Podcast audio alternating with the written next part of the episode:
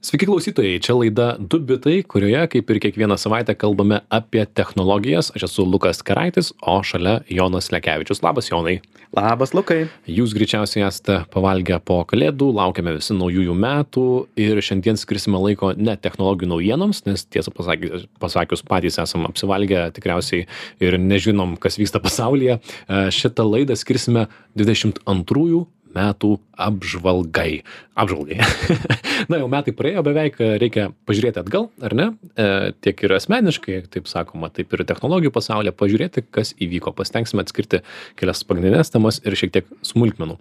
Pirmi pilni metai su dviem bitais. Taip. A, nes a, kai mes darėme praeitų metų apžvalgą, tai kūrėme laidas tik tai apie gal tris mėnesius metų, o dabar turime laidas apie visus metus. Galėjom peržiūrėti viską, ką priešnekėjom ir išrinkti įdomiausias mintis. Mhm. Pradžiai gal tiesiog porą paminėti dalykų, jeigu kažkas klausysis mūsų po dešimt metų, apie ką buvo šie metai, iš antraščių, iš to, apie ką mes kalbėjome.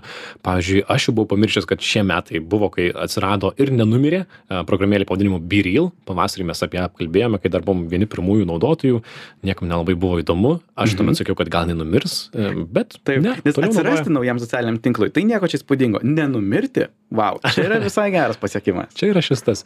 22 metais Apple prad, metų pradžioje pasiekė trilijoninę vertę, buvo pirmoji tokia įmonė pasiekusi tokį, tokį na, evaluation vadinamąjį, kas buvo tikrai nemažas pasiekimas. Um, kas dar vyko? Metų pradžioje technologijų įmonės įvairiais būdais bandė gražinti žmonės į biurus, uh, kadangi po karantino visi dirbome iš namų, sunkiai tai, tai joms sekėsi. Mhm. Apple, Google, Microsoft ėmė grasinti pavasarį, kad, e, žodžiu, jeigu negrįžtė į biurą, jūs išmesime. Bet vienas toksai visai nemažas tyrimas sako, kad bent jau pavasarį 64 procentai um, populacijos, na, tų žmonių, kurie gali dirbti nuotoliu, jie ir norėjo dirbti nuotoliu. Tad apie Mhm. tą kalbėjome pavasarį. Kas dar buvo? Kalbėjome apie Web3 um, ir apie tai kalbėjome paskui vis mažiau, tikriausiai, ir ne? Pavasarį galbūt daugiau apie Web3 idėją. Na, kelios laidos mums e, tiesiog įkrito, nes tai buvo turbūt vienas didžiausių pasaulio įvykių, tai karas Ukrainoje, Mhm. kur vėlgi mes nekalbam per daug apie kažkokias karo technologijas, e, nors akivaizdu, jog tai buvo periodas, per kurį labai daug to buvo išbandyta, tačiau didelis efektas, kurį tikrai kelias keletą laidų išėlė šnekėjome, tai buvo efektas Rusijai, kai praktiškai visas technologijų pasaulis apleido tą šalį ir praktiškai nutraukė visą veiklą. Mhm. Atsimtas vasario paskutinės savaitės ir kovo pradžią, kai na, visi be abejo kalbėjome apie tai ir mes kalbėjome apie tai, uh, nes atrodė apie nieką daugiau kitą ir negali kalbėti, ar ne? Taip. Uh, kas dar įvyko šiais metais? Man įsiminė, aš tik- tiksliau pasimiršo ir tada prisiminiau ir visai jokiausi, kad šiais metais kalbėjome apie mažą skandalą, kai Neilas Jangas pykosi su Spotify'ume, kur Neilas Jangas, muzikantas, tikrai žinomas, sakė, arba Roganas, uh, Joe Roganas populiarus podcasteris Junktinėse valstijose arba aš. Negalime būti kartu. Man tiesiog priminė tai, kad šie metai buvo tie metai, kai kalbėjome, aha, jeigu kažkas yra toje pačioje platformoje, kur aš esu, aš nenoriu būti su juo. Mhm. Nenoriu būti tame pačiame kambaryje, nes man smirda. Ir, ir tikras iššūkis buvo Spotify, suprasti, ar, ar jie turi turėti kažkokią nuomonę šitoje vietoje, ar jie turi ginti visus savo kuriejus, buvo labai įdomu. Mhm. Šitą apkalbėjome, kam įdomu, susirasite. Baigėsi Elizabeth Holmes teismas, na, tuo metu sakyta didžiausias, didžiausias skandalas Silicijos slėnyje ir panašiai, ir ne? Kompanijos Teronas įkūrėja buvo iš tiesų nuteista uh, už uh, melagystės investuotojams. Taip, ir šitą apkalbėjome. E, Visiška smulkmena, kuri man įsiminė šiais metais, galima niuniuoti Google paieškoje ieškant dainos, nes aš nežinau, ar kaip muzikantas esu tas žmogus, kuriam man kartais šeštadienį pirmą nakties parašo draugai, palieka voice žinutę, Lukai, kas čia per daina? Ir aš sakau, paieško Google paieškoje. Tu esi žmonių šazamas. Aš buvau, atėmė iš manęs šitą galimybę e, pasakyti žmogui, kokia daina yra. Uh, tai aš manau, kad dideli metai taip pat kosmoso pasaulyje. Mm. Mm. Aišku, turbūt e, visus nustebinęs uh, James Webb teleskopo paleidimas ir e, įspūdingos nuotraukos, kokių mes dar nesame matę. Ir labai crazy DART misija, kur tiesiog rėžėmės į asteroidą ir sėkmingai nukreipėme jį kitą linkmę. Taip. E, pati tikriausiai garsiausia mokslo pasaulyje trumpai paminėsiu istoriją tai kad pirmą kartą istorijoje buvo persodinta genetiškai modifikuota kiaulės žmogus e, kiaulės širdis žmogui e, kuris kuris deja po praėjus dviem mėnesiams po operacijos mirė. Na bet vis tiek tai buvo didelis pasiekimas apie tai rašė visi kas tik galėjo. Daug kur taip pat ir lietuvoje ėmė veikti veikti 5G nors kažkaip apie tai tokio vadinamojo haipo kad visiems rūpėtų tai aš prisipažinsiu nematau. Mhm. tai va tiek ir dar gausybė įvairių įvairių įvairių smulkmenų apie kurias galėtume kalbėtis valandų valandas bet klausykite praėjusių laidų ir viską sužinosite ir aš pasakiau kad man atrodo svarbiausias metų įvykis yra tuoj pasakysiu jonai man atrodo kaip ir pritariu, tikrai Pritari, ar ne? pritariu. Pritariam. Tad iš tikrųjų svarbiausias 2022 metų įvykis technologijų pasaulyje mūsų nuomonė ir tikriausiai nemažai technologijų žurnalistų nuomonė yra kuriančio dirbtinio intelekto įrankiai apie ką mes kalbėjome ypatingai šį rudenį bet taip pat ir kalbėsime dar kitais metais ir panašiai. Tad kas įvyko? Gegužės mėnesį pristatomas dali du iš esmės programėlė kur sakai na įrankis kur sakai nupiešk kosmonautą jojantį ant kosmoso aplink avokado a, jo aplink avokado planetą ir ir gauni tą paveikslėlį milijonas naudotojų per du su puse mėnesio. A, vasarą turime midjourney stable diffusion modelius kuriuos jūs minėjome e, taip pat milijonas naudotojų per mėnesį kūrėjai tarp kitko nesikuklina sako siekia milijardo naudotis gali visi. Ir, ir čia dar turbūt verta pastebėti, pavyzdžiui, dalai 2 sugeb, pasiekė to tą milijoną vartotojų ne todėl, jog nebuvo susidomėjimo, tiesiog jie turėjo riboti, kiek daug žmonių gali prieiti, Mhm. nes yra labai akivaizdu, jog visi norėjo tą bandyti. Ir kai vasarą pradėjo kilti alternatyvos dalai, a, tokios kaip Midjourney ir Stable Diffusion, ir visi galėjo žymiai drąsiau eksperimentuoti tuo, tikrai buvo tokia, ypač vasaros pabaiga, tai dirbtinio intelekto meno a, periodas, kur visi bandė eksperimentuoti, ką įmanoma sukurti. Ir su rezultatais. Pavyzdžiui, labai kontroversiškai vienas kūrinys laimėjo meno konkurse, iškėlė klausimus, ar tai apskritai yra ok. Vienam dirbtinio intelekto nupaišytam komiksui buvo suteiktos autorinės teisės, kurios beje prieš kelias savaitės buvo panaikintos, nes a, dabar nuspręsta, jog visgi dirbtinio intelekto tiesiog sukurta, sukurti darbai be jokio žmogaus indėlio negali būti, negali turėti autorinių teisų. Žiūrėjau, iškėlė labai daug klausimų vien todėl, jog mes galėjome išbandytai pamatyti patys, ką tai daro. taip jeigu nebūtų davę pažaisti tikriausiai viskas nebūtų suveikę ar ne? Bet kai davė mum pažaisti tai visi kniubome į tai. Tad vasarą paveikslėliai ateina ruduo rugsėjis spalis atsiranda mm, text to video įrankiai tai yra įrašai tekstą ir gauni ne paveikslėlį o video. Tai yra meta tokį įrankį parodė. Šie įrankiai vis dar nėra vieši negalima su jais žaisti taip kaip su paveikslėliais bet aš sakau palaukim kitų metų ir Tiesa, pažiūrėsim prieš savaitę OpenAI visiškai atvirai paleido text to 3D. Tu tiesiog aprašai, kokio 3D objektą nori ir gauni 3D modelį.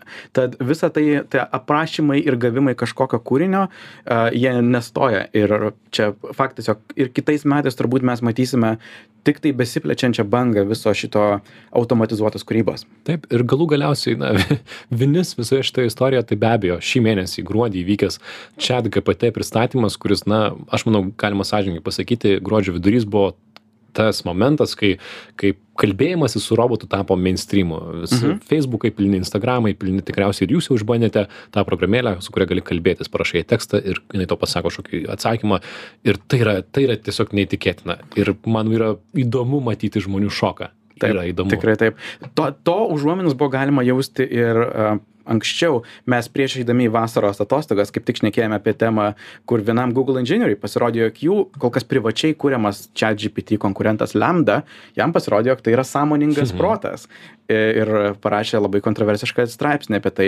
Ir aš manau, jog būtent kai išėjo chat GPT ir visi galėjome pabandyti pasišnekėti su tuo dirbtiniu intelektu, daugam turbūt kilo panašus klausimas kaip tam inžinieriui vasarą. Nu, kur čia jau yra dirbtinio intelekto riba, nes jeigu rašo ryšlius straipsnius, geba apibendrinti informaciją ir labai kokybiškai daro namų darbus, tai visgi kokio, kokio lygio čia intelektą turime. dizaineriai tuomet susi- susigriebė, kad, ei, na, čia arba rašytojai, tai daro, žinai, šitas įrankis pusę mano darbo. Ir man atrodo, tai, kas parodo, kad šitą technologija yra revoliucinga, tai yra noras grįžti prie fundamentalių klausimų, kuriuos tarp kitko girdžiu, kai kad darau pristatymą apie šitą technologiją ir dar kažką žmonės klausia, o, o ką veiksime mes žmonės? Mhm. Pala, kaip aš dėl to jaučiuosi, ar man tai patinka, kas yra kūrybiškumas, arba galų gale, kam visą tai, ar tai mūsų nenužmogina, tai perima tai, kas iki šiol buvo taip, taip žmogiška ir dabar kompiuteris ima ir padaro tai, ką aš, žinai, mokiausi 20 metų padaryti. Taip. Ir kai tai pasieks architektūrą, rinkodarą, visi šitie įrankiai, apie kuriuos kalbame, tai, žodžiu, bus tik tais, tik tais į, įdomiau.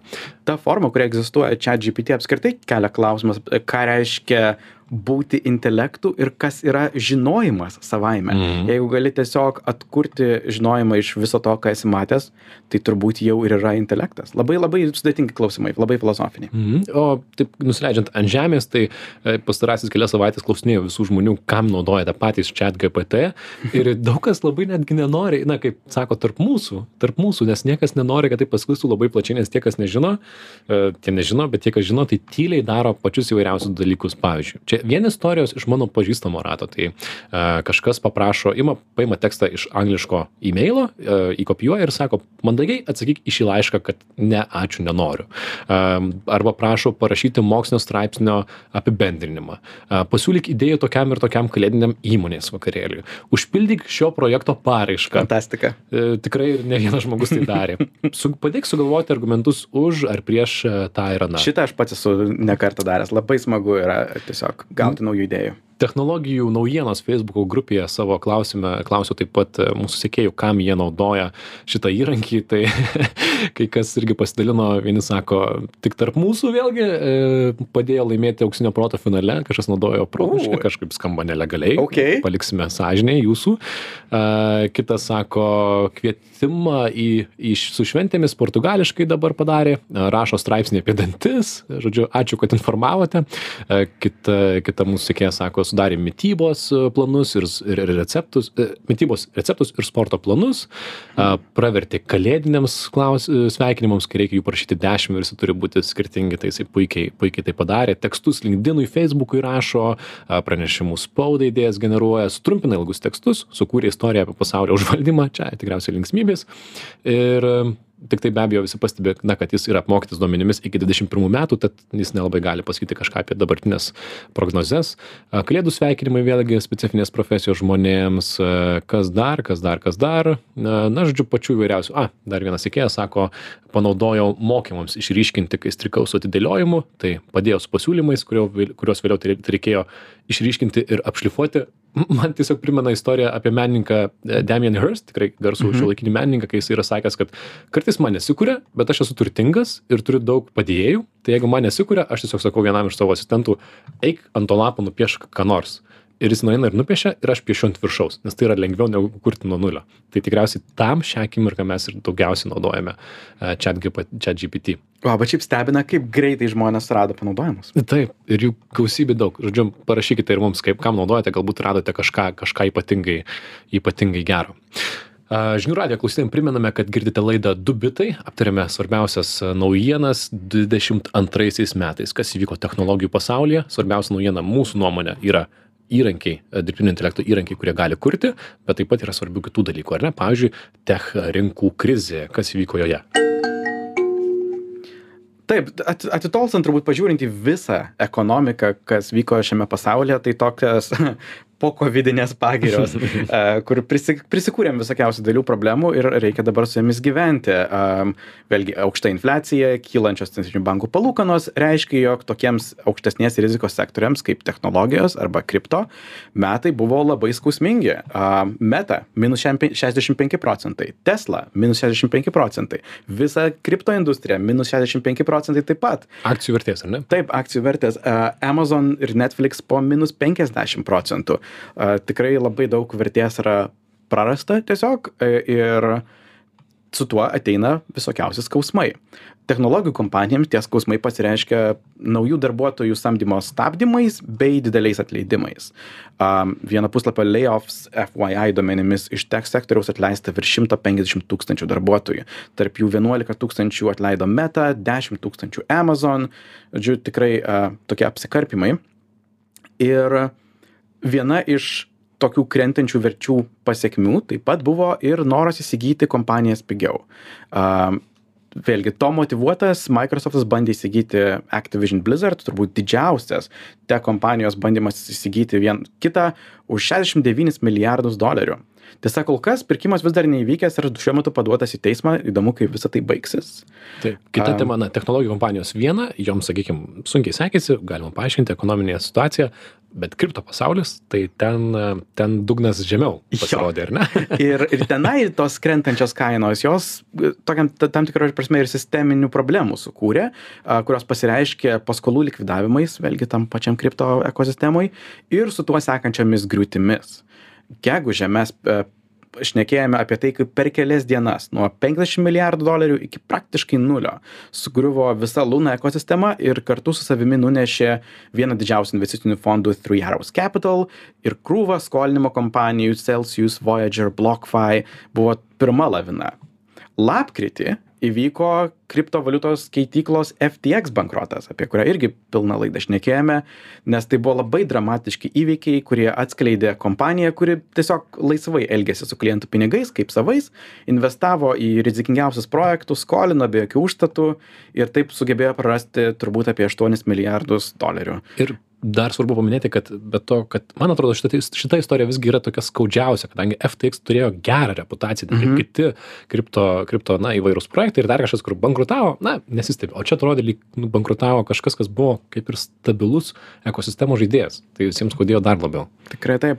Na ir turbūt trečia tokios po covidinių da- dalykų pasiekmių buvo, jog mes vis dar turime tam tikrų gamybos trikdžių, pagrindė, kas vyksta Kinijoje, nes vėlgi jų nulinė COVID politika reiškia, jog yra labai sunku prognozuoti, kaip išeis e, vykdyti gamybą. Metų pradžioje manėme, jog visus metus tęsis lustų stygius, atrodo, jog jis išsisprendė, galbūt iš dalies todėl, jog dėl Ethereum įvykdyto susijungimo praktiškai išsilaisvino milijonai grafikos plokščių ir tai šiek tiek atlaisvino tą, tą visą poreikį, bet vis dar yra problemų ir metų gale Apple negalėjo prognozuoti visgi, kiek iPhone'ų sugebės pagaminti, nes tiesiog užsidarė visas iPhone'ų miestas. Tad vis dar gyvenam su tokiom pasiekmėm ir, ir skausminga, skais- skausmingų paveikslų technologijų e, rinkose. taip galbūt mažiau skaudu ta tie visi gamybos trikdžiai negu metų pradžioje tikriausiai Mhm. laisviau be to kinijoje jau matyti tų atlaisvėjimo tokių žiburių ar ne kad ta zero covid politika kuri labai griežta kinijoje tad palengva visa tai keičiasi. Na bet buvo kaip buvo. Ir dar turbūt trečioji tokia didelė tema kurią verta paminėti va kurios neišvengėte jeigu klausėtės mūsų laidų mes dūsaujam bet kodėl mes dūsaujam na mum tai buvo apie ką pakalbėti buvo visai smagu. Elonas muskas ir tviteris ir jo epas pirkimas, nepirkimas, vėl nusipirkimas, atleidimai ir 111 klaidų. Balandį Maskas sugalvojo, jog nori įsigyti Twitterį už 44 milijardus. Tuomet, krentant visam tech sektoriui, tarp jo ir jo Teslai, e, persigalvojo, pradėjo ieškoti būdų, kaip čia pasišalinti, pradėjo šnekėti, kiek daug botų visame šitame ir kaip jis nenori pirkti. Tada prasidėjo teismo procesai. Išėjo į viešumą labai daug privačios informacijos, kurios jis nenorėjo matyti, persigalvojo dar kartą ir visgi nusprendė nusipirkti Twitterį. Ir spalio gale sandoris buvo uždarytas jis tapo tviterio vadovu. Deja dramos tik prasidėjo. Pirmiausia atleidimų bangos atleido du trečdalius tviterio darbuotojų. Vėliau visa kontroversija susijusi su patvirtintom paskyrom kur leido bet kam už aštuonis dolerius tapti patvirtintu. Net jonui. Net man. Tokiam įtartinam. A, Vėliau visa kontroversija su atblokavimu prieš tai užblokuotų paskirų padarė apklausą ar atblokuoti Trumpą, atblokavo. Tačiau vėliau sugalvojo užblokuoti žurnalistus, nuorodas į kitus socialinius tinklus. Žodžiu, galima būtų turbūt šnekėti savaitėmis, nesinori kartoti viso šitų istorijų, bet tiesiog atrodo padaryta šimtas klaidų ir nesibaigianti drama turbūt ir kitais metais bus. Jo, iš vienos pusės įdomu tai, kad na, Twitteris yra svarbus socialinis tinklas, galbūt ne Lietuvoje, bet pasaulyje. Iš kitos pusės yra tiesiog įdomu stebėti istoriją, kaip vienas, na, įtakingiausių žmonių pasaulyje, galima tai pasakyti, vienas na, garsiausių verslininkų, e, tiesiog žaidžia kažkokį keistą žaidimą, asmeninės ambicijas bando įvykdyti, turėdamas penkis verslus, ima ir perka socialinį tinklą ir ir kam visa tai? Kam visa tai niekas dar nesupranta kai tu turi gausybę kitų galvos skausmų kodėl tu tuo užsiėmi iš egoizmo iš noro kažką įrodyti ar dar kažko. Na tikrai ir, ir visame tame kontekste, kur vėlgi tek pasaulyje, tai iš tiesų tai yra skausmingas periodas, labai daug krentančių akcijų, tai skaitant tarp jo Teslas. Ir vietoj to, jog įtikinti investuotojus, jog jo dėmesys yra į teisingus dalykus, svarbius dalykus, į SpaceX ar Tesla, jisai įsigyja naują žaislą pavadinimu socialinis tinklas ir atrodo visą savo dėmesį skiria tam, jog kelti dramas. 21 metai įsiminė kaip metai, kai milijardieriai skrido į kosmosą ir dėl to jie buvo taip pat kritikuojami, kažkaip mhm. Maskas praleido šitą, šitą trendą, galėjo iššokti, paskraidyti ir galbūt gavęs. Na, jisai skraidino juos tenai. Na, jis skraidino taip tiesa, bet ir pats galėjo išskristi, galbūt būtų šiek tiek atvėsęs ir, ir šies metus taip racionaliau praleidęs, ta, bet buvo kaip buvo. Mhm. Ir paskutinė tokia, sakykime, svarbus blokas naujienų yra apie įvairius e, standartus. Tai yra, kas tai yra, tai papasakos Jonas. Jo, nesinori baigti maskų ir visokiamis e, negatyviamis naujienomis. Galime pašnekėti apie tai, kas buvo iš tiesų puiku šiais metais ir aš manau, jog galim pavadinti vienas iš metų pavadinimų tai naujų standartų metai. Europos Sąjunga patvirtino, pasirašė ir visais 18 parašų, nežinau kiek ten viskas veikia. Turbūt 180 arba daugiau dar.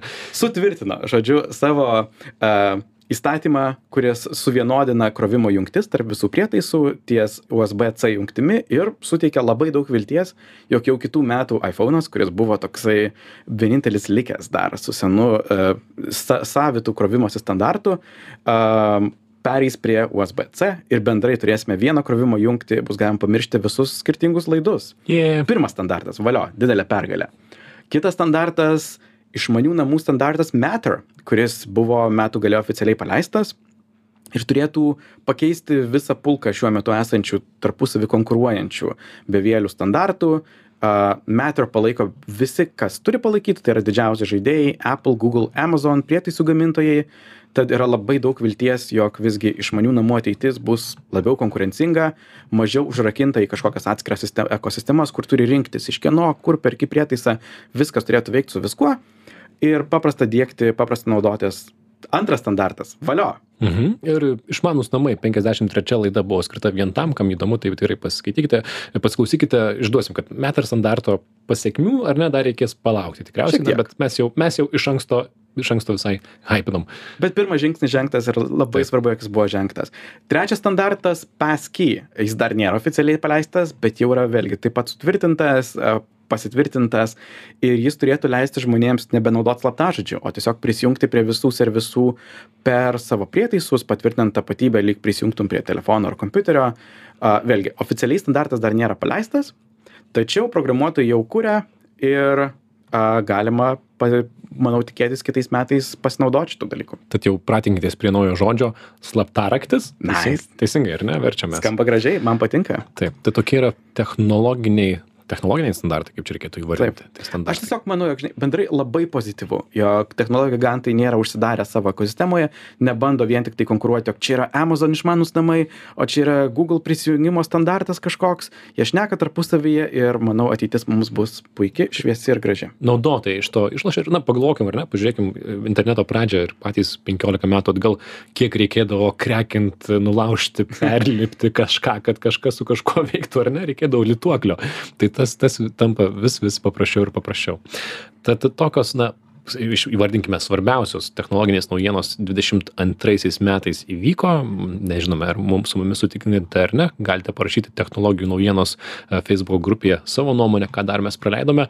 Bet e, buvo gražūs metai ar ne? Taip. Jonai ačiū jums kad klausėtės ir buvo labai smagu apie juos kalbėti. Ir mes dar turėsime vieną laidą tai yra kita mūsų laida sekanti laida bus jau naujais metais. Jau naujais metais e, joje nersime į tai ko galime tikėtis dvidešimt trečiaisiais o jetau dvidešimt trečiaisiais net sunku sunku ištarti, man skamba kaip ateitis. Aš, aš dar kai rašau, jeigu rašau rašikliu, tai aš vis dar rašau ten 2009, žinai, kaip kas yra rašiklis? Rašiklis?